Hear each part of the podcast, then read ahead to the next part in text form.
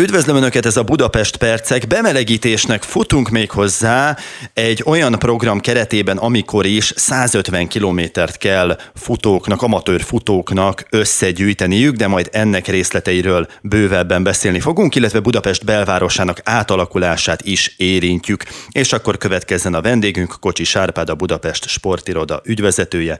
Üdvözlöm Önt! Szép napot mindenkinek! Ön tudom, hogy a futással kapcsolatban, meg egyáltalán a testmozgással kapcsolatban kapcsolatban egy komplex gondolatrendszert szokott bemutatni.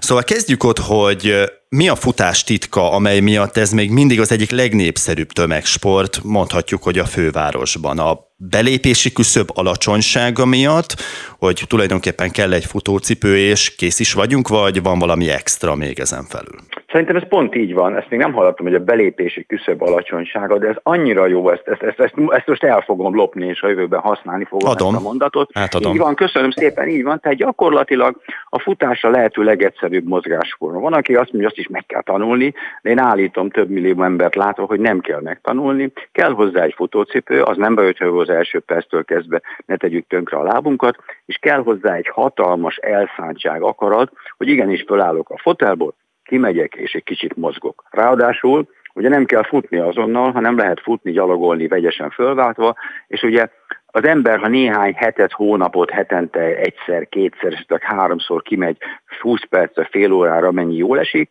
akkor azt fogja észrevenni, hogy hihetetlen gyorsasággal ö, javul a teljesítménye, és egyszer csak elkezd futni, és simán lefut két, három, négy, öt kilométert. Azt pedig ugye tudni kell, hogy az úgynevezett endorfin, ami a boldogság hormon, uh-huh. az olyan 30 perc körül elkezd termelődni az emberbe. Sokszor akkor is, ha sörözünk a barátainkkal, és sörözünk egy kocsmába, de hát ennél sokkal jobb ugye, hogyha ez úgy van, hogy futunk, mozgunk, és fizikai aktivitás hatására ez van, és az endorfin az pedig függővé tudja tenni az embert. Egyszerűen olyan embert én még nem láttam, aki azt mondta, hogy futottam, és hú, de rossz volt. Mert akkor legközelebb nem jött el. Olyat viszont igen, aki azt mondta, hogy én soha, soha az életben nem fogok futni, mert utálom a futást, aztán egyszer csak hátba vágott a Margit szigetem, hogy hello, itt vagyok, mégis futok, igazad volt. Említette ezt az endorfint, nem akarok nagyon mélyen belemenni ebbe a témába, mert lehet, hogy a hallgatókat nem ez a része érdekli. No, de mégis azért az endorfint azt más úton, módon is elérheti az átlagember. Én most itt a laikus leszek, vagy inkább az ördög ügyvédje. Nem azt mondják az emberek nagy kényelmükben, hogy hát ezt az endorfin termelést, ezt más pótszerrel is meg tudom oldani a saját agyam, a saját boldogság élményem számára. Miért izzadjak én, miért menjek ki mondjuk rossz időben a Margit szigetre, amikor lemehetek a közeli kocsmába is ennek nyilván van egy tragédiája, ennek a gondolatmenetnek, de nem ez az általános gondolkodás mondjuk Magyarországon? Magyarországon abszolút az általános gondolkodás, és az európai statisztika szerint 59% soha semmit nem mozog. 59 százalék. Ez a lakosságnak majdnem a kétharmada. Ezt el tudjuk helyezni mondjuk Európában? Igen, körülbelül dupla akkora ez az arány, vagy több mint dupla akkora. Tehát a svédek, svédek a skandinávoknál a legmagasabb volt 75% rendszeresen mozog, ami azt jelenti, hogy hetente legalább kétszer minimum fél óra aktivitást csinál. Nálunk ez, ez tragikus, tehát ugye ezt 59, aki soha nem mozog, aki rendszertelenül mozog, az is tizenvalahány százalék, tehát uh, alig, alig 11 nehány százalék az, aki elmondhatjuk, hogy rendszeresen mozog, és ebben még benne vannak a sportolók is, akik le vannak igazolva. Tehát az, aki nem igazolt sportoló, ott viszont nagyon-nagyon tragikus a dolog.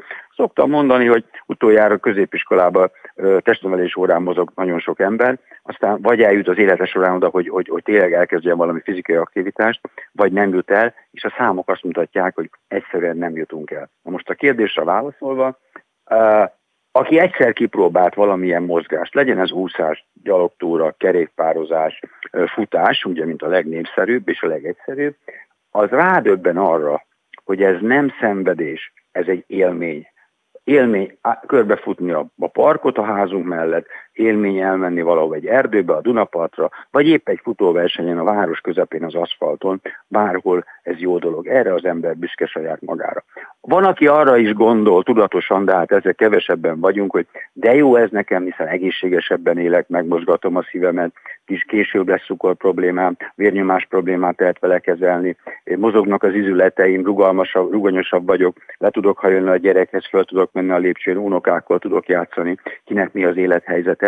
Ez mind-mind segítés, aki megtapasztalja, az erre rájön. És nem beszélve arról, hogy ez egy közösségi élmény. Van ez a furcsa mondat, hogy a hosszú táv futó magányossága. Ez nagyon-nagyon-nagyon-nagyon nem igaz, hiszen a futókkal, egy új futással, egy új közösségbe lehet belépni, ahol nagyon könnyű ismerettségeket kötni, ha nem is barátságokat, de sport, sportbarátságokat, és, és ez is benne van, nincs az a plusz lelki többlet, amiért az emberek elmennek futóközösségbe, vagy egyszerűen csak futni. Nem beszélve arról, hogy tényleg nagyon egyszerű, tehát az embernek ott van egy futócipő, bárhol van a világon, elutazik egy városba, reggel fogja a cipőt, fog egy kisgatyát, megy és megismeri a város például. Tehát sok-sok-sok-sok uh-huh. előnye van a futásnak, a mozgásnak. Na beszéljünk az interjú apropójáról, erről a bizonyos programról, amikor is 150 kilométert kell összegyűjtögetni.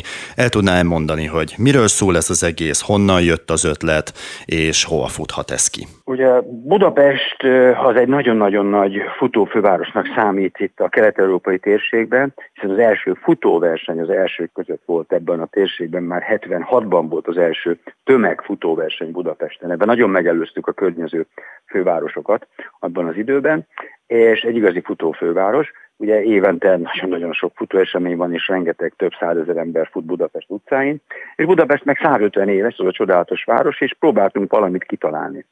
Az említett 59% a Budapestjékre is igaz, tehát úgy döntöttünk, azon gondolkoztunk a város vezetéssel, hogy meg tudjuk-e a 150 éves hívószóval, amire mindenki fölfigyel, mozgatni Budapest lakosságát. Úgyhogy a következőt találtuk ki, egy fél éven keresztül, tehát április közepétől, a, a 30 ezer fős Telekom Vivicsitától az október közepi Spár Budapest maratonig, ahol szintén a csúcsében 35 ezer ember vett részt. Ebben a fél évben kiírunk egy akciót, hogy mozog, fuss vagy gyalogolj, fontos, hogy vagy gyalogolj, 150 kilométert.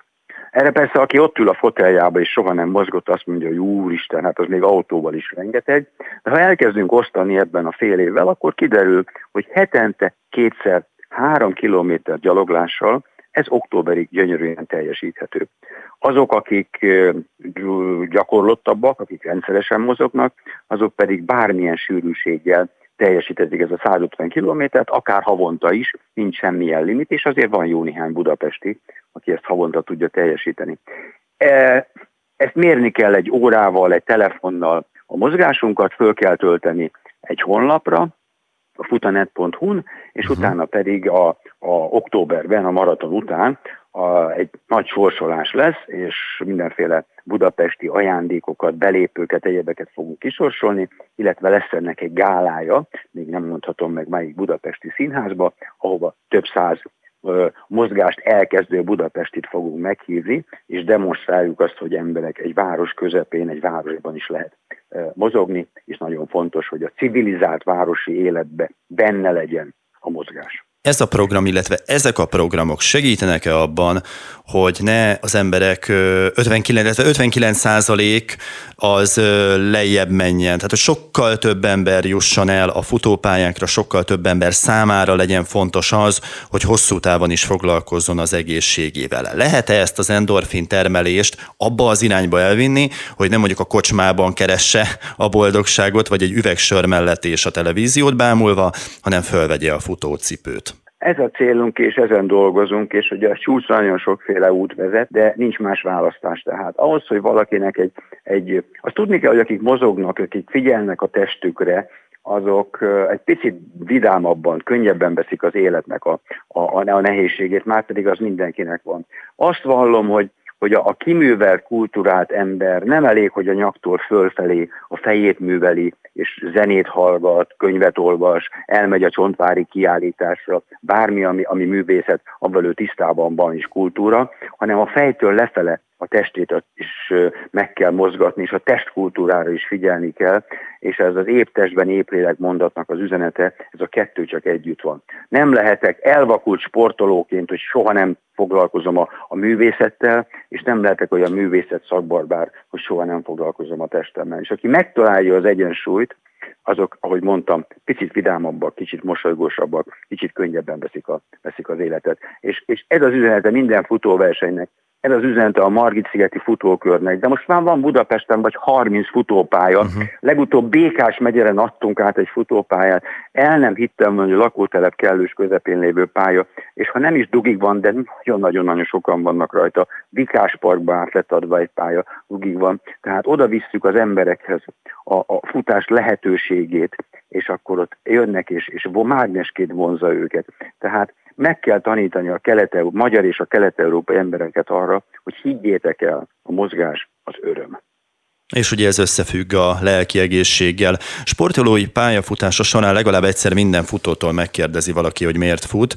Az Egyesült Királyság egyik egyetemén kutatók által végzett felmérés szerint például az ultrafutók és a terepfutók több mint 90%-a azért űzi a sportágat, mert fontosnak tartják a mentális egészségi állapotot, ami pozitívabb életszemlélet kialakulását eredményezi. Ezzel kapcsolatban milyen arányokat lát az amatőr és a profi futók között? Mert nagyon sok stresszes életmóddal élő ember számára fontos a futás, hogy kicsit leadják ezt a feszültséget. Ugyanakkor fiatalok számára akik mondjuk az iskolában hasonló stressznek vannak kitéve, és szeretnének futni, és elmennek mondjuk a Margit szigetre egy-két körre. Belőlük hogy lesz igazolt futó, aki aztán rendszeresen eljár mondjuk edzésre, vagy mondjuk jobb esetben, vagy rosszabb esetben, ez már nézőpont kérdése, rendszeressé válik számára a futás. Mert velem is gyakran előfordul, és ez már személyes élmény, hogy vannak olyan időszakok, amikor nagyon sokat futok, és akkor kimarad egy hét, két hét, három hét, és nagyon nehezen veszem rá magam arra, hogy újból beletegyem azt a munkát, hogy kellemesen jó lessen a futás, mert akkor ugye nyilván már a kondim nincs olyan állapotban. Nem tudom, érthető-e a kérdés, kisé komplex és kisé szerte ágazó volt. Két, két kérdés van, így van. Az egyik uh-huh. az ultrafutó és a terepfutóknak a, a dolgai. Tehát nagyon, és az igazolt, és a profi és a nem profi. Nagyon fontos a hallgatóknak tudni, hogy mi amatőr sportolókról beszélünk. Tehát buszvezetőkről, menedzserekről, banki ügyintézőkről, nyugdíjasokról, tehát mi mindjárt amatőrök vagyunk. Magyarországon nincs 50, vagy nincs 100 profi, 50 profi hosszú távfutó, a, a, aki van. Mi azokról beszélünk, akik, akik, akik, akik ezt hobbiként űzik. És egyáltalán nem baj, hogyha egy-két hét kimarad, egy pihenünk, az csak segíti a dolgot. Tehát nem világbajnokok akarunk lenni, nem fizetnek nekünk ezért, akkor úgy kell futni, hogy jól érezzük magunkat. Erre mondta Monspár Sarolta, ugye a futás nagyasszonya, uh-huh hogy futni érdemes, futni, és ha jól esik, és ha nem esik jól, az a tempó, akkor meg kell állni az edzés közben, lazítani kell a dolgon, rövidebbet kell futni. Ha meg jól esik és van idő, akkor még hosszabbat futunk. Az ultra, és nagyon fontos, hogy nagyon nagy keletje van most Magyarországon az ultrafutásnak, nagyon népszerűek az ultrafutók. De kedves hallgatók, 3-5-8-10 kilométer a kezdőknek pont akkora örömet okoz, mint másnak a maraton vagy az ultratáv. És nem kell ultratávot futni, és nem kell maratont futni, mozogni kell. Szoktam mondani, van akinek az 5 kilométer a maraton. Én nagyon mhm. élvezem azokat, amikor mondjuk a női futógálánkon, ami egyébként most lesz június 4-én, a 10 kilométeren 8-9-10 perces tempóval érkezik be a mezőny vége. És van olyan hölgy, nem egy, nagyon sok, aki mondjuk van 15-20 kilós súlyfölösleg, vagy akár még több súlyfölösleg, és nagyon lassan jön, de csinálja. És az arcán a mosoly, amikor átlépi a tizedik kilométeren a célvonalat, az pont olyan, mint a győztesnek, aki futott 35 percet, majdnem egy órával hamarabb célba ér. Tehát nem kell máshoz hasonlítgatni, hasonlítgatni magunkat. Ez nem világbajnokság, nem rajtvonalnál állunk. Ott állunk a rajtvonalnál, de teljesen más a, az el, a hátterünk, az életkorunk, a, a, a munkánk, a családi hátterünk, mennyi időt tudunk edzésre fordítani, milyen genetikánk van, milyen tehetségünk van, és mindjárt ugyanazt a pályát futjuk, de nem hasonlítjuk egymáshoz magunkat. A legfontosabb az a szlogenünk, ami az amatőr futóversenynek a legfontosabb üzenete mindenkinek, hogy itt mindenki győztes, aki célba ér.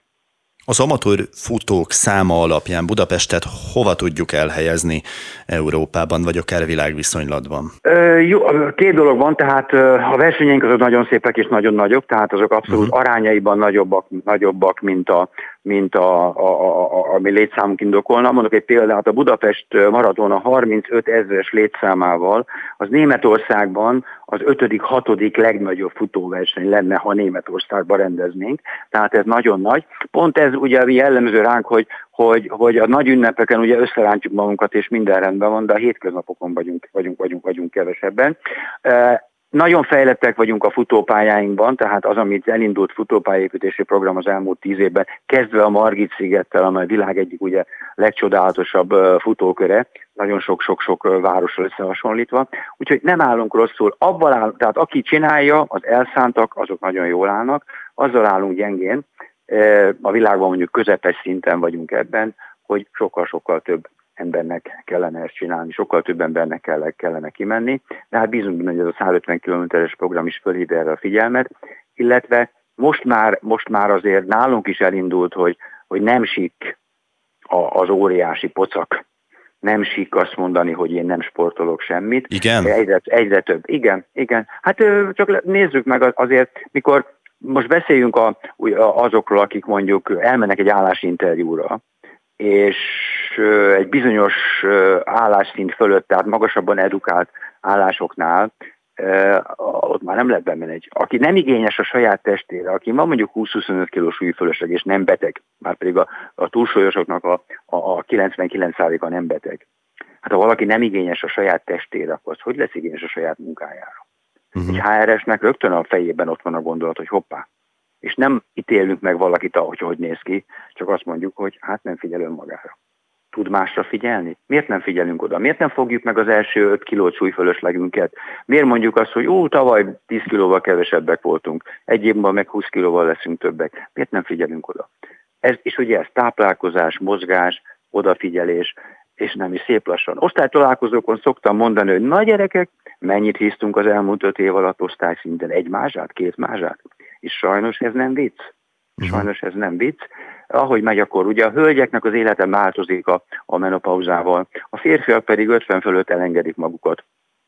Már nem annyira fontos nem tudom, hogy miért, hogy jól nézzünk ki, és egyszerűen, egyszerűen jönnek a kilók. Eleve a kor miatt is jönnek a kilók, de oda kell figyelni. Ha megnézzünk egy német nyugdíjas buszt, aki eljön turistának, akár futó turistának, akár nem futó turistának Budapestre, és leszállnak a buszról, és mellette áll egy magyar nyugdíjas vagy, vagy turista busz, hát bizony látszik a különbség. Nem jutottunk még el oda a fejlettségünkben, hogy, hogy ez egy fontos tényező legyen. Egyre inkább az, de még nagyon-nagyon messze vagyunk. Az 59% az bele kell, hogy égjen mindenkinek a fejébe, akinek köze van az egészséges életmódhoz, a mozgáshoz, az öröm szerzéshez az embereknek, hogy a társadalom jobban éljen, ezt az 59 ot lejjebb kell sokkal-sokkal vinni. Legalább 40-re, és akkor még mindig messze vagyunk az uniós átlagtól. Oké, még egy kritikus kérdésre szeretnék kitérni. Vannak a futók és vannak az autósok, önnek azért elég komoly rutinja van versenyszervezés szintjén is. Ez egy állandó szembenállás, különösen akkor, ha útlezárások történnek mondjuk futóversenyek kapcsán. Ön ezt a feszültséget érzi-e, oldható -e ez valamivel? Mi lehet a megoldás, hogy az autósok ne fújjanak annyira a futókra, a, a futók pedig jobban érezzék magukat, hogy nincs rajtuk folyamatos nyomás miatt, mert jaj, megint itt egy verseny, és akkor majd dudálni fognak, meg majd beszólogatnak a munkahelyemen, hogy miattad nem tudtam hazaérni 5 perccel korábban. Hát a, a, a nyugat-európai és az észak-amerikai kultúrában ez teljesen másként van, tehát ott már elfogadták ezt a, az emberek, hogy időnként ez van, de ennek az a másik oldala, hogy tájékoztatás, tájékoztatás, tehát nekünk nagyon-nagyon fontos feladatunk, amikor egy futóeseményt szervezünk, és remélem minden szervező társam ezt vallja, hogy az embereket tájékoztassuk. Mondok egy nagyon egyszerű példát, a Spár Budapest maraton előtt 55 ezer budapesti lakásba dobtunk be egy szórólapot, uh-huh hogy figyelem, a hétvégén menj el egy fél órával korábban, ne egykor gyere haza, tud már nem fél kettőkor, mert itt a házad előtt lésre kisebb-nagyobb korlátozások lesznek. Egyre jobb a helyzet, azt gondolom, 30 éve tragikus volt, most már egyre jobb a helyzet, egyre több futó van, egyre több autósnak van ott rokona ismerőse barátja, munkatársa, akit azért kicsit nehezebb szidni. De nagyon fontos véleményem az is, hogy, hogy, hogy az autós futó ellentét az körülbelül olyan szinten van, mint a dohányos, nem dohányos, kutyás, nem kutyás, gyalogos autós, biciklis autós, biciklis gyalogos, az újabb probléma, hogy a rolleres és, és az egyéb közlekedő, tehát vannak ezek az örök problémák. Én azt gondolom, hogy az elfogadási szintünknek egy picit javulni kell. Az sem biztos, hogy itt Kelet-Európában, és direkt nem csak Budapestet mondok, az sem biztos, hogy itt Kelet-Európában ez sokkal jobb, mint az 59%-a az elhízott és a nem mozgók aránya. Ezen kell nekünk javítani, hogy egyszerűen fogadjuk el a másikat minél inkább, és ebben a, a futók üzenete az mindig nagyon pozitív. Igyekszünk a város szórakoztatni, zenéspontokat csinálni, igyekszünk tájékoztatni, minél több embert idehívni. E, erre mondta azt a, a Kovács Kokó István, aki 42 évesen futott első maratonját, hogy uh-huh. mi, aki a korláton belül vagyunk, aki a korláton belül futunk, mi tudjuk, hogy ez milyen csoda és milyen fantasztikus. Azok a barátaink, ismerőseink, ismeretlenek, akik a korlátra rátámaszkodnak, és tapsolnak, vagy néznek minket, azok is átélik, hogy micsoda csoda egy ilyen futóeseményen részvétel, mennyivel más ez az életben ez, ez, ez az esemény. Viszont akik ott állnak a korláttól 10 méterre az autóban, azok ezt nem értik. Az a feladatunk, hogy hozzájuk eljuttassuk az üzenetet, uram, bocsá, bevonjuk őket, és az elfogadásukat javítsuk ö, szerintem alakul nagyon szépen, de nem vagyok benne biztos, hogy ez bármikor is megoldódik. New Yorkban, Berlinben, Londonban ugyanúgy vannak problémák, csak kevesebben vannak, akik nyomják a dudát. Budapesten kicsit többen vannak, de ez is fog alakulni. Ahogy ezelőtt 30 éve sokkal-sokkal-sokkal-sokkal kevesebben futottunk arányaiban is, mint most, ez is fog változni, és már változik is. Na hát reméljük, hogy minél többen gyűjtögetik majd a kilométereket. Még egy mondatban el tudnám mondani, hogy aki szeretne részt venni ebben a programban, az hol tud tájékozódni? Futanet, www.futanet.hu, 150 éves kilométergyűjtés, és, és rányom, és mondom, minden részletet megtalál. És legyen bátor, kezdje el, higgye el, hogy csak az első lépés a nehéz a fotelból fölállni. Ha az ember eldönt, hogy a fotelból föláll, utána ez már menni fog. Mondok még valamit, nagyon sok embernek után nehéz visszaülni a fotelba, mert azt mondja, hogy hú, menni kell. Higgyenek nekem, ez így van, sok százezer embert sikerült meggyőzni az elmúlt években. Én remélem most a beszélgetés után is legalább páran fogják az, a egeret, megnézik a, a futanet.hu-n a kilométergyűjtést, és utána pedig azt mondják, hogy fölállok és megyek. Nagyon Ehhez. szépen köszönöm, tökéletes a végszó. Okay. Oh, bocsánat, így van. Oké, okay. oké. Okay. Jó. Kocsi Sárpád, a Budapest Sportiroda ügyvezetője volt a vendégünk. Nagyon szépen köszönöm még egyszer. Budapest hírek a Spirit fm -en. Egy héten keresztül a Budapesten közlekedők is megismerhetik a világ egyik legmodernebb, kifejezetten a nagyvárosi közlekedésre tervezett elektromos buszát. Május 18-áig a fővárosban közlekedik a Mercedes-Benz legújabb generációs akkumulátoros hajtású járműve. A szinte zajtalanul károsanyag kibocsátás nélkül közlekedő busz az E210-es vonalon, a Normafa és a Gyöngyösi utca között a Lánchídon át jár. A buszt mindenki ingyenesen próbálhatja ki az elkövetkezendő napokban. A járvány óta először ismét teljes kapacitással készülnek a Sziget Fesztiválra a szervezők. Kádár Tamás főszervező szerint lényegesen látványosabb lesz az idei sziget. Több helyszín új dizájnt kap, valamint a hang és a fénytechnika is fejlődik. A szervezők olcsóbb vendéglátást, fejlődő szolgáltatásokat és fenntarthatóságot is ígérnek. Megkezdődött a fővárosban a tavaszi virágültetési szezon, több helyen a láncidat és az oroszlánokat jelenítik majd meg az új virágágyások Budapest 150. születésnapja alkalmából. A tavaszi virágültetés keretében 120 ezer egynyári virágot ültet a főkert a fenntartásában lévő kiemelt, közcélú zöld területeken. Indul a Daros Pont. Hetente lesz ingyenes metrókoncert a Fővám téren. A közlekedési kultúra napján mutatkozott be a fővárosi metróvonal első dalos pontja. E héttől már minden szerdán várják a közönséget. A pontos helyszín a négyes metró Fővám tér metróállomásának középső szintje. A koncertek díjmentesek. A főváros híreit hallották. Folytatódik tehát a Budapest percek, ahogy ígértem a Láncid megújításával kapcsolatban. Erő Zoltán Budapest főépítésze a vendégünk. Üdvözlöm Önt! Jó reggelt kívánok a hallgatóknak!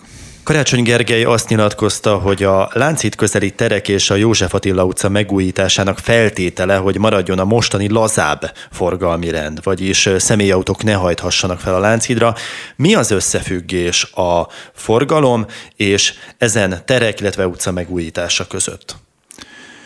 Alapvetően a József Attila utcában látjuk azt a lehetőséget, ami a korábbi használat túlterhelését csökkenthetné, és rendkívül sokat nyerhetnénk azzal, hogyha a szűk belvárosi utca, amire ráterhelődött kétszer-két forgalmi sáv, árkádosították a házakat, hogyha ettől visszább léphetnénk, és egy csökkentett forgalommal számolva itt egy humánusabb, használhatóbb közterület alakulhatna ki, fasorokkal, az árkádok visszaalakításával, üzletekké és szélesebb járdákkal. Ugyanakkor az eredeti tervek szerint is sor kerül a környező terek megújítására, tehát a Lánchíd önmagában mindig is egy eleme volt annak a térsor megújításnak, amit tervek szerint az Alagúttal, Clark Ádám térrel, Lánchíddal, Széchenyi térrel, József Attila utcával egységesen gondoltunk. Az a a mi felfogásunk, hogy ennek a terveit elkészítettük, és egy sokkal humánusabb, sokkal élmény gazdagabb környezet kialakítására van lehetőség ezen a vonalon. Ha a budapestiek ezen a bizonyos lakógyűlésen, ugye a városvezetés kikéri a lakók véleményét, úgy voksolnak, hogy személyautók számára is járható legyen a láncid, akkor van esetleg B-tervük? Vagy, vagy a fejlesztések egy nagy része így is megvalósulna? Vagy úgy is? Tulajdonképpen nincsen döntő különbség a két megoldás fizikai környezete között, az előbb, amit mondtam, a József Attila uh-huh. utcán van de a Széchenyi téren egy olyan megoldás mellett tették le a tervezők a voksot már évekkel ezelőtt, ami a híd feljáróját függetleníti attól a rejtett körforgalomtól, ami ott ma van, tehát nem kell körbejárni a teret ahhoz, hogy följussunk a hídra, akár autóbusszal, akár kerékpárral, akár, ha úgy dönt a lakosság autóval, ez mindenképpen egy nagyon jó és megvalósítandó elem, mert ez az áloga annak, hogy a tér többi részét, az akadémia előtti területet zöldes, zöldebbé és rendezettebbé tudjuk tenni. A Clark téren van egy hasonló javaslat, kisebb lesz a körforgalom, a közepének a, a virágágyását szűkebbre vesszük, és cserébe az oldalakon fölszabaduló helyeken fásítani lehet, illetve ott is virágot lehet kiültetni, de ez is igazából mind a két esetben megvalósulhat. Ahogy az elején mondtam, a József Attila utcával lehet a legtöbbet nyerni viszont. Mi a fő oka ezeknek a változtatásoknak, és akkor itt tényleg sorra vehetjük a Széchenyi teret, Clark Ádám teret és a József Attila utcát is. Ugyan ő már említett itt változtatásokat, amelyeket végbe szeretnének vinni. Na de mi inspirálta ezeket a látvány, a kényelem a lakók számára, a sétálók számára, vagy a közlekedőknek, az autóknak, a, a buszoknak lesz így könnyebb majd behajtani, kihajtani? Ez egy hosszú évtizedek óta észlelhető tendencia Európa városaiban, hogy az úgynevezett jó helyek sorát kell kialakítani, a közterületek fejlesztésének egy olyan metódusa alakult ki az elmúlt évtizedekben, el kell mondani, hogy Barcelonában a 92-es olimpiára készülve jött elő ez a gondolat, hogy a közterek fejlesztése az egész város közérzetét megjavítja, ezért szívesen fognak ott lakni az emberek, szívesen fognak oda költözni, szívesen jönnek a vendégek is. Tehát ami Budapesten zajlik, nálunk is hosszú évek óta, az a forgalomcsillapítás, a gyalogos területek kiszélesítése, minőségének javítása. Ez a folyamat már régen elkezdődött, gondoljunk csak a Rádai utcára, a Mixát Kálmán térre, ami korábban megvalósultak. A 2000-es évek elején nagyon nagy fejlesztésekre került sor a Petőfi Sándor utca, Október 6-a utca útvonalán, a Károly körúton, a március 15-e téren. Ez volt az úgynevezett Budapest szíve program, uh-huh. ami akár, akár észrevettük, akár nem, de minőségi változást hozott a város használatában. Van olyan cél ön előtt, akár Magyarországon belül, akár itt a környező országokban, amelyet szeretne Budapest elérni, mondjuk a jó helyek számát vagy minőségét illetően? Én azt gondolom, hogy nem állunk rosszul ebben, de természetesen mindig vannak célok, vagy vannak... Mit jelent a nem állunk rosszul? Tudom, hogy nagyon nehéz, amit hogy, kérdezni hogy, fog. Lehet-e számszerűsíteni mondjuk, hogy száz százalék, amit szeretnének elérni, és azt mondja, hogy na, akkor itt befejeztük, mert minden tér, minden hely az jó Budapesten, és hol állunk most? Vagy mondjuk egy tízes skálán? Nem, ezt, ezt, ezt talán nem száz százalékban tudnám kifejezni. Úgy tudnám kifejezni, hogy, hogy a gesztusok, a szándékok, a várospolitikába való beágyazottság az hatos hetes. Uh-huh. A megvalósítás minőségében lehet még előrelépni, és a, a további használatban feltétlenül nem kell nagyon messze menni. Én Jubjanát szoktam példaként mondani, ahol, ahol a legnagyobb forgalmú utat kiváltották, és csak autóbusz jár rajta, és rendkívül egyszerű tájépítészeti eszközökkel. Ezt hangsúlyozom, hogy hogy az is nagyon szimpatikus, amikor, amikor ötlettel és jókedvel oldják meg azokat a feladatokat, amiket nagyon nagy költséggel is lehetne megvalósítani, de mondjuk Jubjánának az a város belső területe, ahol a folyóparton, a hidakon, a főtéren lehet élni, ez egy nagyon szép példa, de tudunk menni hasonló példákért bármelyik nyugat-európai városba. Bécsben is ez folyamatosan fejlődik, ugye a, a Mária Hilferstrasszét már harmadszor építik át, mert először a metró miatt levették a villamost, később egy újabb átépítés következett, és folyamatosan követik a városi kihívásokat. Ma az egyik legnagyobb kihívás a várható klímaváltozás, tehát ma úgy kell tereket építenünk, úgy kell az növényzetet megválasztani, hogy az adott esetben egy melegebb, csapadékszegényebb időszakban is jó állapotban megmaradhasson, él, élve maradjanak a fák, egészen konkrétan ez a probléma, hogy kellő víz jusson uh-huh. hozzájuk, illetve a fordítottjára is gondolni kell a hirtelen özönvízszerű felhőszakadásokra. Tehát van ennek a köztérépítészetnek egy folytonosan változó követelményrendszere, amit igyekszünk és konkrét példák, figyelembe venni. Konkrét példák vannak önök előtt? Ugye említette, hogy a megvalósítás minőségében hát akadhatnak hiányosságok. Ezt milyen módon tudják ellensúlyozni? Lemásolnak mondjuk Jublianáról egy forgalmas út kiváltást, mondjuk egy térre, vagy akármilyen más megoldással, ami mondjuk egyszerű, és akkor ehhez kérnek önök mondjuk számokat, vagy eszközöket, és akkor ezt mondjuk a Jubliánából megküldik, vagy, vagy külföldi szakemberek segítségét kérik, vagy fölmennek az internetre. Próbálom az egyszerű ember nyelvére lefordítani. Fölmegyünk az internetre, tehát Aha. alapvetően kiváló tervezőink vannak. A tájépítés szakma rendkívül kreatív és rendkívül ötletgazdag. Tehát, tehát bármit meg tudnak valósítani, amit mondjuk New Yorkban is megvalósítanak. De mindig inspirálnak minket a úgy, úgynevezett best practice, tehát a legjobb gyakorlatok, amit látunk máshol. Jubjanát azért hoztam példának, mert a pofon egyszerű ám szerencsés megoldásokra egy jó példa. De hát, hogyha mostan azt mondta, hogy, hogy New York, New Yorknak a, a ugye van ez a bizonyos Highline, ami egy régi vasúti uh-huh. töltés volt, vagy vasúti szerkezet volt, és ezen egy hosszanti parkot alakítottak ki. Ezt az ötletet szabad elhozni, tehát uh-huh. még akkor is, hogyha úgyis mindent adaptálni kell, úgyis mindent a magyarországi körülményekhez kell igazítani, de tanulni soha nem szégyen a meglévő tapasztalatokból.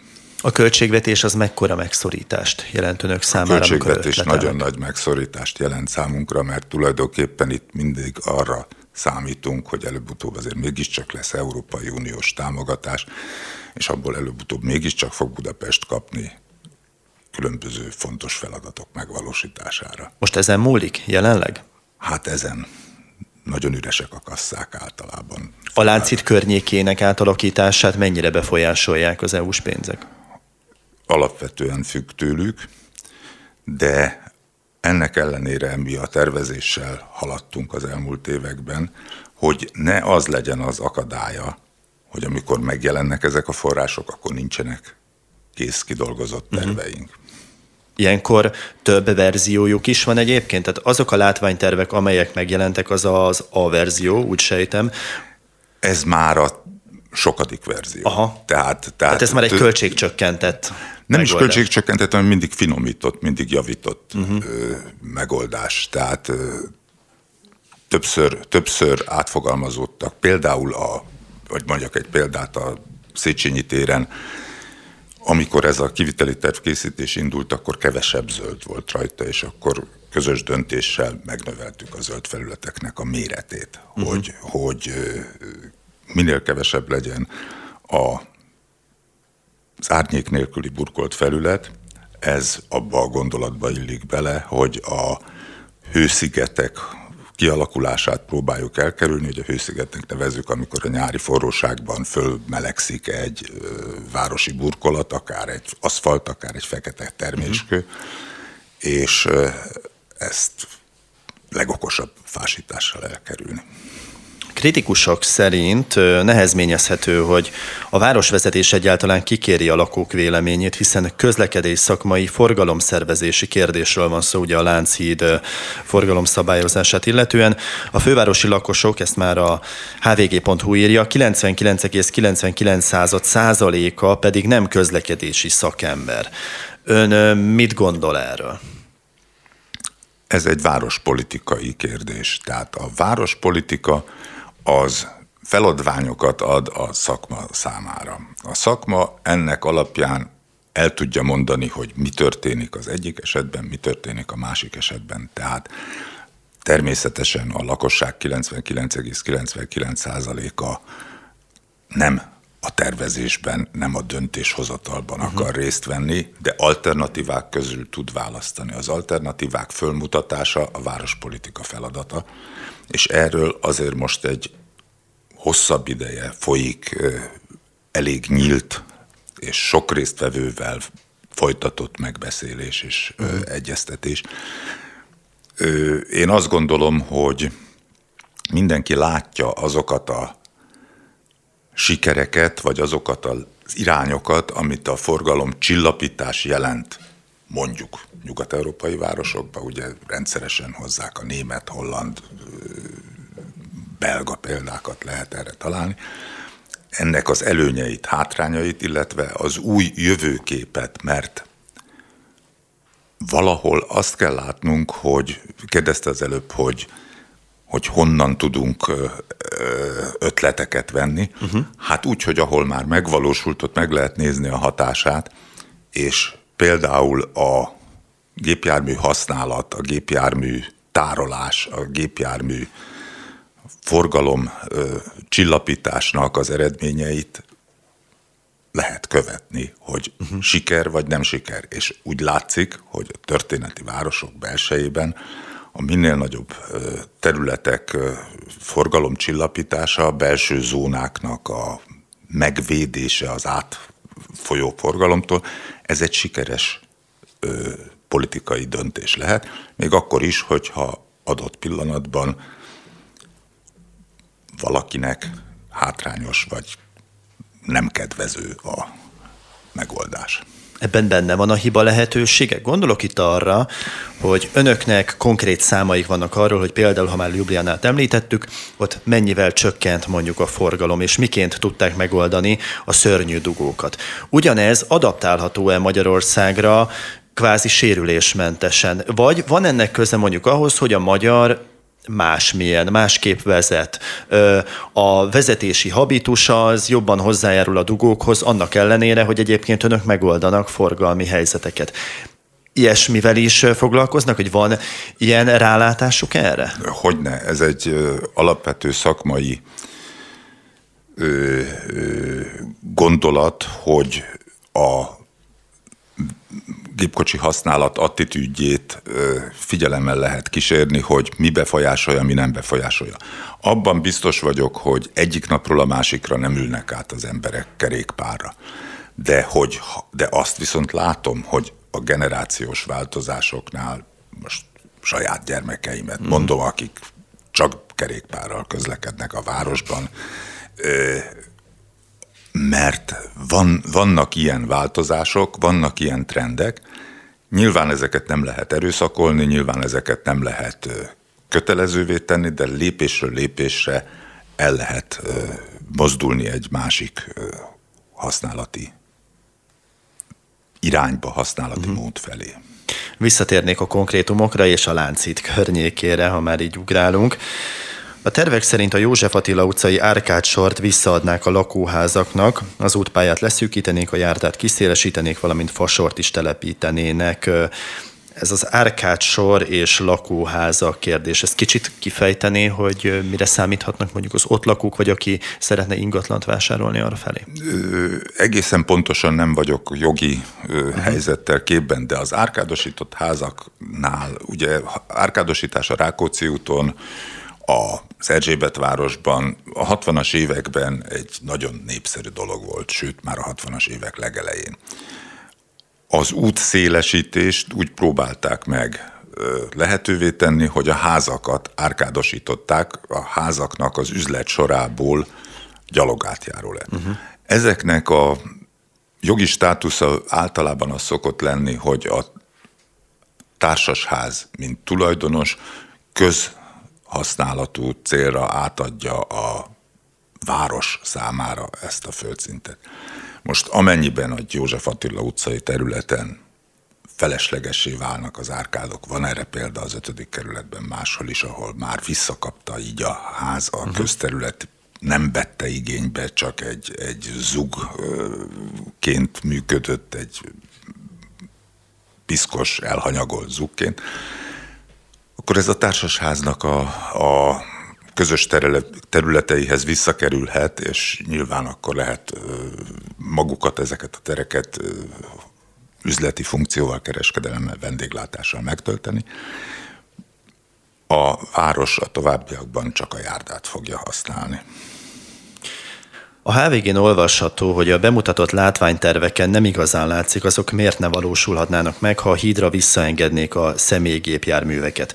Nagyjából ezzel kezdtünk, és ha jól értelmeztem, akkor ez a dilemma csak a József Attila utcát érintett. Igen. Leginkább. Igen, a igen. másik két teret is, tehát ha visszaengednék, másik, akkor másik két megvalósulna téren, Másik két téren inkább a, a csillapított használatot kell elképzelni, tehát, tehát a terhelés nem lesz akkora rajta. Uh-huh. Fizikailag döntően más megoldásokat nem javasolnánk, de sokkal, sokkal lazábban és sokkal nyugodtabban lehetne használni mondjuk a Clark Ádám teret. Uh-huh. Még egy dolog, ami nem volt számomra teljesen világos. Ön felhívta a figyelmet arra, hogy a jó közterek sorával indítható meg a fejlődés, ezt még értettem, amiből a magántőke fejlesztésével a házak is megújulhatnak. Hát ez, ez a, a, az említett barcelonai példa is erre vonatkozik. Uh-huh. Tehát amikor a, egy város rehabilitációjára szükség van, akkor alapvetően szerencsésebb felén a világnak vannak közcélú támogatások, amelyek a házak megújítását is szolgálják. De nem vállalhatja át a közösség, a város, az állam, a kerületi önkormányzat teljes mértékben ezeknek a házaknak a megújítását. De az derül ki, hogy a közterületek minőségének a javítása az emeli a lakások ingatlanpiaci keresettségét. Tehát, tehát jó helyé válik a környék, akkor jön a magántőke, és megoldja a lakás felújítást, vagy az elektromos hálózat felújítását, vagy a... Tehát a társasház életbe, életre kell, működni fog, és magán pénz kerül a városrészbe. Ezt már elfelejtettük, hogy azért nekünk itt van egy nagy városrehabilitációs feladatunk. A városrehabilitáció folyton megújuló feladat, tehát kell, hogy legyen valami vonzereje azoknak a belső területeknek, amik Budapest karakterét adják, és a legnagyobb kiterjedésű városközponti részünk ennek megfelel ennek a lehetőségnek. Végére egy rövid kérdés, és lehet, hogy a legnehezebb. Legyünk optimisták, hogy ezek a tervek megvalósulhatnak ön szerint mikor, mikorra? Amint finanszírozás van, maga az építkezés ezeken a területeken egy, egy két-három éves periódusban megoldható. Azért mondok három évet, mert nem tudom pontosan, hogy közműben mennyire érintett az egyik-másik terület, de maga a térrendezés az egy-két éves ciklusban bőven megoldható. Nagyon szépen köszönöm Erő Zoltánnak, Budapest főépítészének, hogy ellátogatott hozzánk. Én köszönöm a meghívást. Önöknek pedig a figyelmet legközelebb is lesz Budapest percek. Viszontlátásra, viszont hallásra.